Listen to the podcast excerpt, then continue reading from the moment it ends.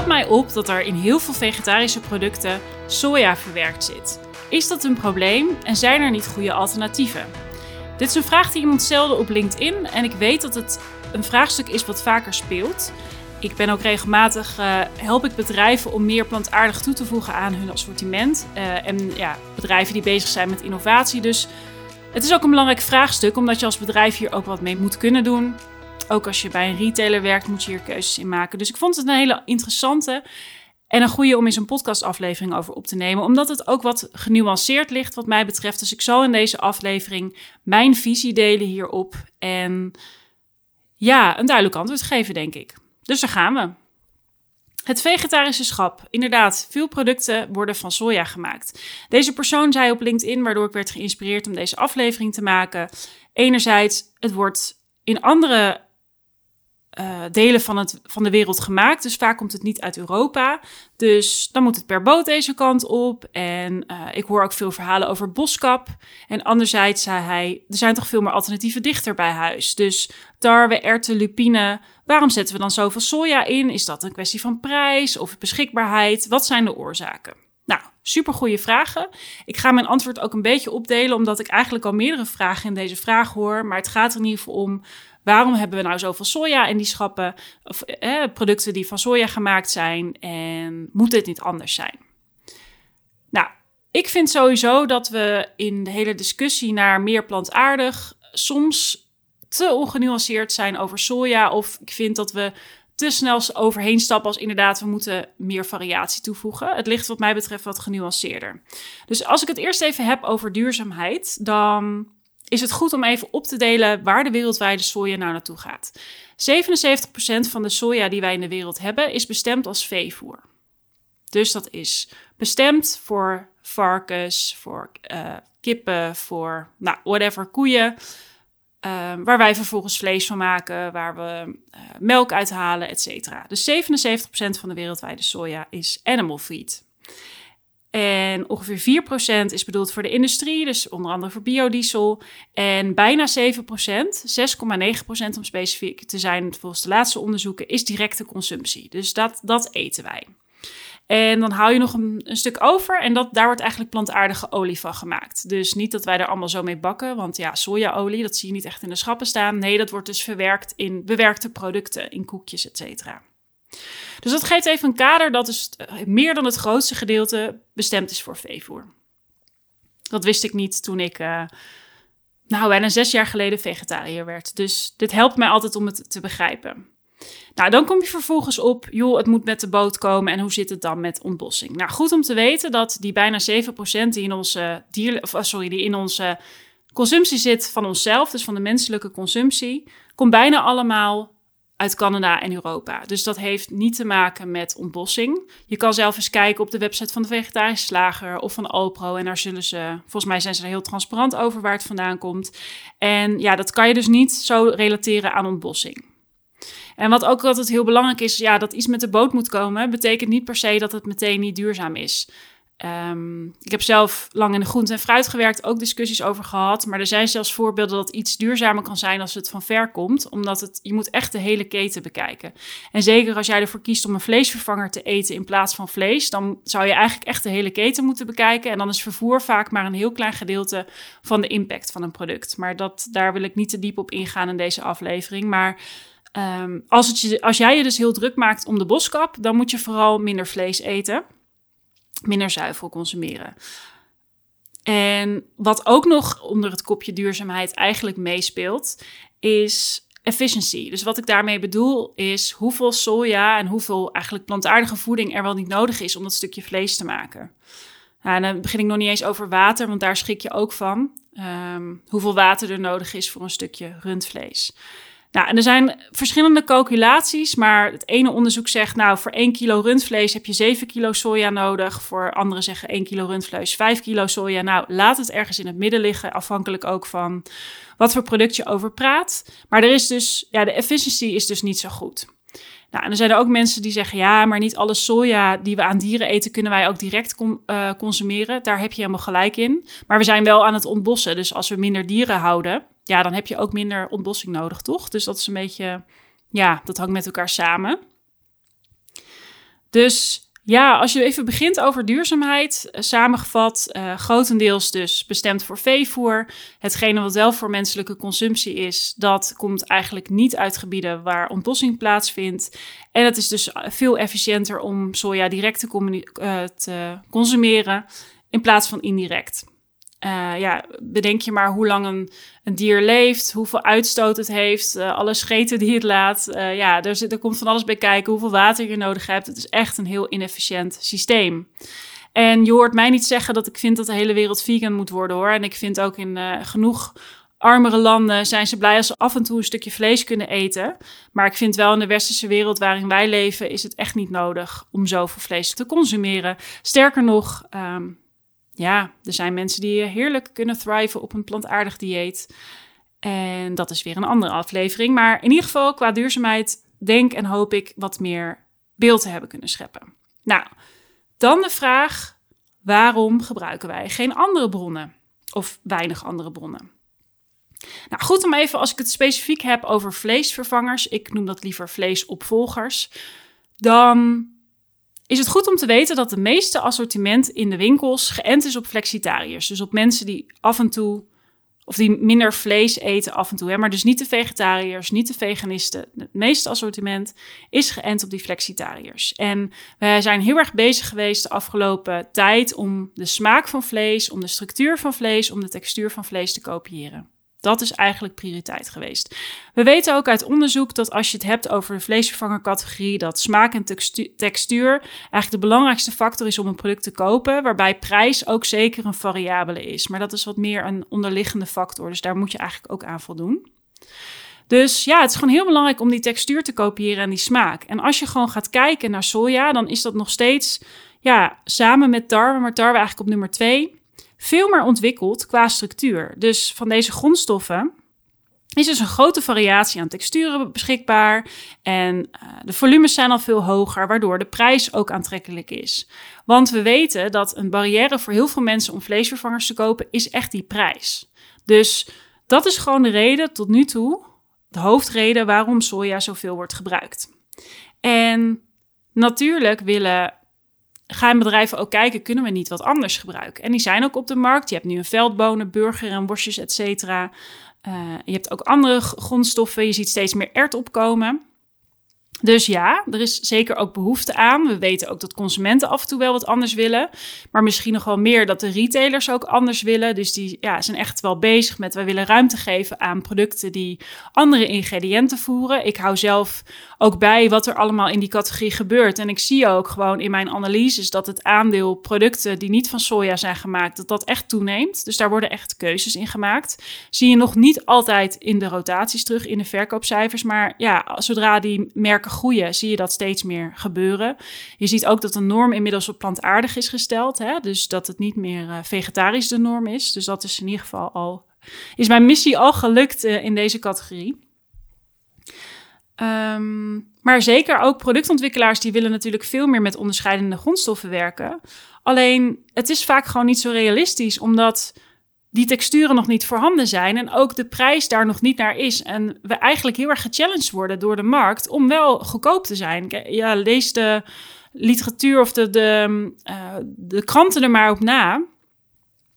Prijs is gewoon heel erg belangrijk. Is, ik lees zo vaak van ja, uh, waarom zijn vleesvervangers, dus in mijn geval vleesopvolgers, zo duur? Ja, daar kan ik ook een hele podcastaflevering over maken. Maar er zijn meerdere factoren waarom dat zo is samengevat mijn visie erop. Kijk, er wordt natuurlijk subsidie gegeven in de vleesstroom. en dat wordt in vleesvervangers zijn de subsidies er niet. Dat is een hele belangrijke. Je ziet ook dat in, over het algemeen uh, retail zelf veel meer marge pakt op de vleesvervangerproducten dan op de vleesproducten.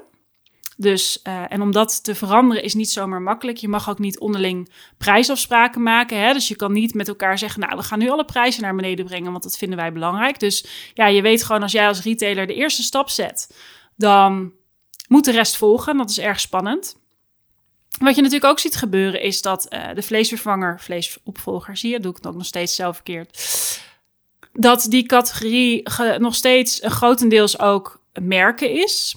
Um, of tenminste, grotendeels, nou dat is nog per retailer verschillend, maar een groot gedeelte merken is. Ja, en daar moet ook een merk moet geladen worden, moet in geïnvesteerd worden. Dus die bedrijven ja, moeten ook echt investeren om mensen naar die schappen te trekken. Dat willen retailers ook. Want ja, nog steeds zijn er veel mensen die daar niet kopen of niet genoeg kopen.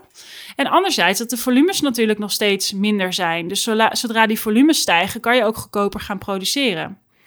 Maar er is ook gewoon nog heel veel innovatie nodig. Dus bedrijven moeten veel investeren om te kunnen vernieuwen. Dus er zijn allemaal factoren waarom ik het eigenlijk best wel logisch vind dat veel vleesopvolgers nog duurder zijn dan vlees. Want ik vind vlees gewoon te goedkoop. Dus wat je nu ziet gebeuren, en dat vind ik verstandig, dat retailers een aantal ja, eh, producten kiezen, uh, favorieten kiezen, die ze gelijk trekken aan vlees. Dus een aantal basisproducten, zodat mensen altijd wel een goedkope optie hebben. Maar goed, het is ook niet altijd realistisch om het gelijk te trekken. Dus nou ja, goed, daar, daar zijn meerdere ideeën over hoe je dit kan doen, eh, heb ik in ieder geval over. Maar ja, even terugkomend op, op waarom geen andere bronnen, dat speelt dus wel allemaal mee. En wat ook nog eens meespeelt, om het makkelijk te houden, is bijvoorbeeld de discussie over eiwitten. Wij leven nog steeds in een samenleving waar ik heb eh, een tijd ook heel fanatiek gesport. En daar werd ook altijd gezegd, ja, om aan je eiwitten te komen, moet je dierlijke producten eten. Nou, dat is uh, sowieso niet waar dat dat nodig is. Ik bedoel, kijk maar in de, Jeremy Reinders, als ik zijn naam goed zeg, die was de beste crossfitter, vegan. Um, Djokovic, tennis, vegan. Nou ja, goed. Je hebt heel veel voorbeelden natuurlijk van topsporters die, um, die plantaardig of hoofdzakelijk plantaardig eten. Dus dat is sowieso niet waar. Uh, de meeste Nederlanders eten ook veel te veel eiwitten. Ik was laatst nog op een congres over gezondheid en plantaardig eten. Er is nog nooit iemand overleden aan een eiwittekort.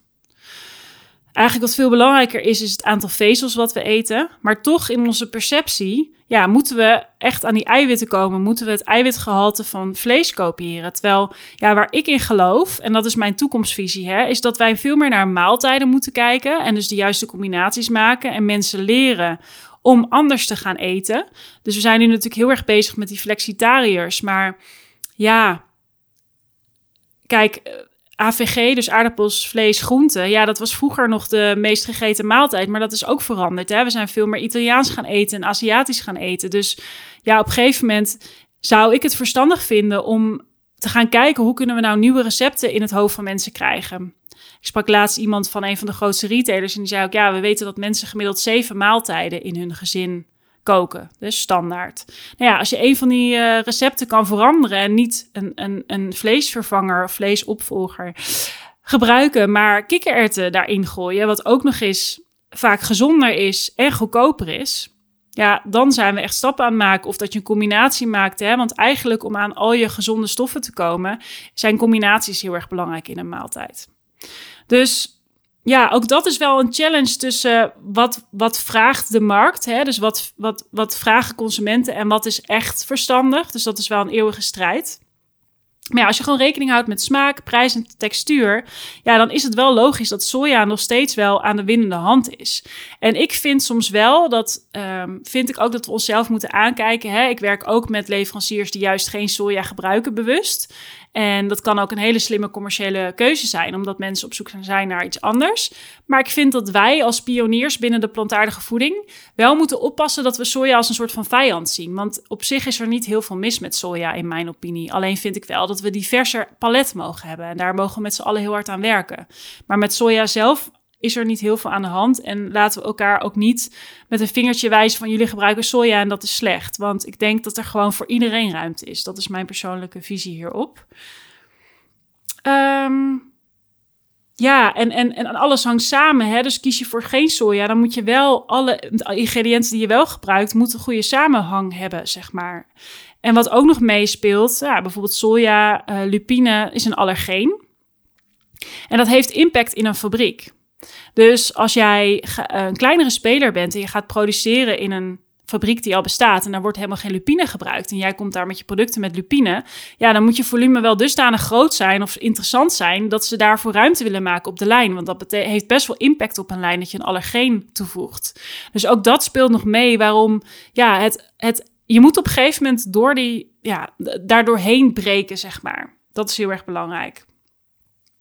Ja, en ert, wat ik al eerder noemde, dat wordt een steeds vaker gebruikt ingrediënt. En dat is allergeenvrij. Nou ja, veldbonen worden dus wel ook steeds meer gebruikt. En wat daar wel interessant aan is, is dat, nou, je ziet nu ook gewoon testen in Nederland, hè, om dat in Nederland te gaan telen. Het volume is nog niet heel erg groot. Maar dat die qua teelt een hele goede opbrengst per hectare heeft. En dat het dus bijvoorbeeld in het Nederlandse klimaat en in Scandinavië, uh, ja, kan, uh, het goed doet. Dus dat is natuurlijk super interessant, omdat ja, mensen willen steeds meer lokaal eten ook. Um, dus ja, dat, dat, dat zijn allemaal factoren. Ja, we gaan echt steeds meer bewegen naar een goede mengelmoes aan, aan bronnen. Maar goed, ja, als je gewoon kijkt naar de huidige smaak, textuur en prijs, is het gewoon wel logisch dat soja groot, ja, heel veel wordt gebruikt. En een andere factor wat niet in de vraag zat, maar ik weet dat in veel mensen hun hoofd zit, is gezondheid.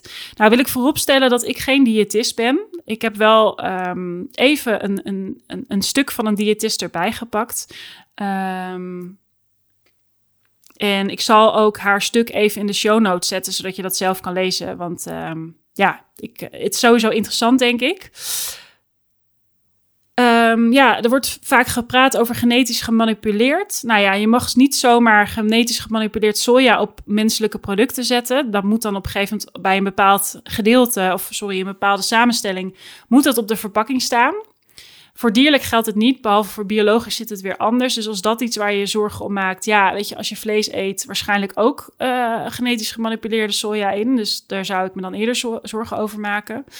Nou, er zijn natuurlijk discussies over borstkanker. Hè. Vroeger weet ik nog wel dat, um, nou ja, dat soja dan verhogend zou werken. Nou, eigenlijk de laatste onderzoeken zeggen dat dat, uh, dat, dat niet zo is. Dat zelfs soja misschien wel helpt om um, het ja, verminderde kans, zeg maar. Nou, als je ook kijkt naar de cijfers, hè, in welke landen komt het veel voor en waar komt het weinig voor? Nou, in Japan, waar ze heel veel soja eten, zie je eigenlijk significant minder uh, borstkanker voorkomen. Dus nou, we weten het niet, maar er zijn eigenlijk op dit moment niet aanwijzingen dat het versterkend werkt, laat ik het zo zeggen. Nou, de schildklier, daar zien we wel wat correlatie. Als ik het goed zeg, in ieder geval mijn moeder heeft ook een schildklieraandoening. En ja, daar zijn wel onderzoeken naar gedaan dat dat effect kan hebben. Dus dan moet je zeker even goed in de gaten houden. Um, maar ja, weet je wat het is met al dit soort vraagstukken? Is, is het niet zo dat het allergezondste gewoon zo min mogelijk bewerkt eten is? Dus ik wil eigenlijk nog even eindigen met een helikopterview. En dat is dat toch vaak het allerbeste voor het klimaat en voor je gezondheid zo min mogelijk bewerkte producten goed is. Dus heel goed dat je de vraag stelt over vleesvervangers. Alleen ga ook eens kijken waar je andere producten kan kopen. Dus kijk eens naar pulvruchten, naar noten, naar uh, quinoa bijvoorbeeld. Hè, allemaal producten die ook hele gezonde eigenschappen hebben en die vaak nog goedkoper zijn um, geen suiker bevatten. Dus ja, en ook de impact op het klimaat gemiddeld. Kijk, zodra, dat, wat ik altijd zeg, dat vind ik altijd een hele goede, is zodra er heel veel bewerking aan te pas komt, is het vaak veel slechter. Dus ik ben zelf coach geweest bij Klimaatgesprekken. Dat is een hele mooie stichting waar je geholpen wordt eigenlijk om te kijken wat, jou persoonlijk, wat je persoonlijk kan doen om vooral CO2-uitstoot te verminderen. Dus welke stappen jij in je leven kan zetten om minder CO2 uit te stoten als persoon, om maar zo te zeggen. En vooral hoe je er in je omgeving wat fijner over praat. En daar zeiden we ook altijd met voeding. Ja, zodra er heel veel bewerken, dus heel veel ingrediënten, maar ook heel veel bewerkingsstappen, dan is het gewoon veel meer uitstoot. Dat is logisch. Dus als jij een single product, een vers product koopt, ja, dan is dat veel minder impactvol dan sowieso een vleesvervanger. Dus ja, het, het, een vleesvervanger is fantastisch. Um, ik ben ook heel blij dat het bestaat. Ik heb morgen weer een barbecue. En uh, nou, het, het is zelfs zo dat ik mijn eigen vleesvervangers maar meeneem. Want ik ben echt de enige vegetariër. Het is op een uh, tafeltennis uh, toernooitje. Volgens mij komen er 50 mensen. Dus ik ben heel benieuwd of ik de enige ben. Maar we gaan ervoor. Dan ben ik heel blij dat het bestaat. Het is gemak. Maar ja, voor veel mensen zoals ik, die al heel lang geen vlees meer eten. Ja, wij zijn vaak een stapje verder en pakken ook de kikkererwten erbij. En um, ja, ik denk dat we dat soms wel vergeten. Ik zit even te kijken, volgens mij is dat hetgene wat ik wilde zeggen. Dus weet je, als wij ons, ons gewoon door blijven ontwikkelen, blijven investeren, dan komen er inderdaad andere grondstoffen aan. Maar laten we ook vooral niet uh, soja als, uh, als de vijand zien, want het is gewoon een heel mooi uh, product. alleen de grootste stap als je ontbossing tegen wil gaan, is gewoon minder vlees eten.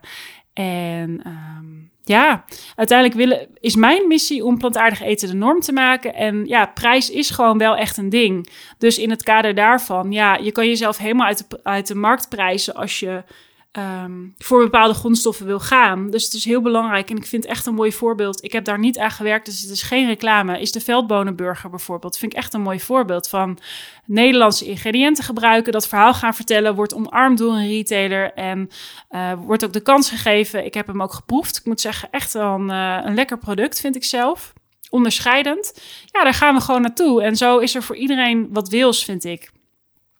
En ja, als je het echt goed wil doen, ja, het is geen wedstrijd natuurlijk, maar als je het echt goed wil doen, pak een keer wat een minder bewerkt product en uh, ga dat eens pakken. Dus pak eens quinoa, pulvruchten, noten en ja, daar kan je ook hele mooie stappen in maken.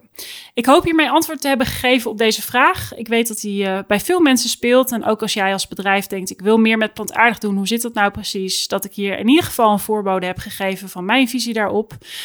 Mocht je naar mijn podcast luisteren en denken, ik vind het echt heel erg waardevol, vind ik het heel tof als je um, ja, even een rating geeft. Dus op Spotify kan je dan sterren geven. Nou ja, vijf sterren natuurlijk helemaal top, maar dat is aan jou. Uh, maar ook in Apple kan je een review geven. Want uh, ja, ik hoop gewoon dat mijn podcast steeds meer beluisterd wordt om zo ja, dat ripple effect te creëren van uh, inspireren om mensen meer plantaardig te eten. Dus uh, dat wordt heel erg gewaardeerd. En ik zal in de show notes nog even wat linkjes plaatsen van dingen die ik heb verteld. Ik denk dat dat wel heel erg waardevol is. Dan kan je het zelf even rustig lezen als je dat interessant vindt.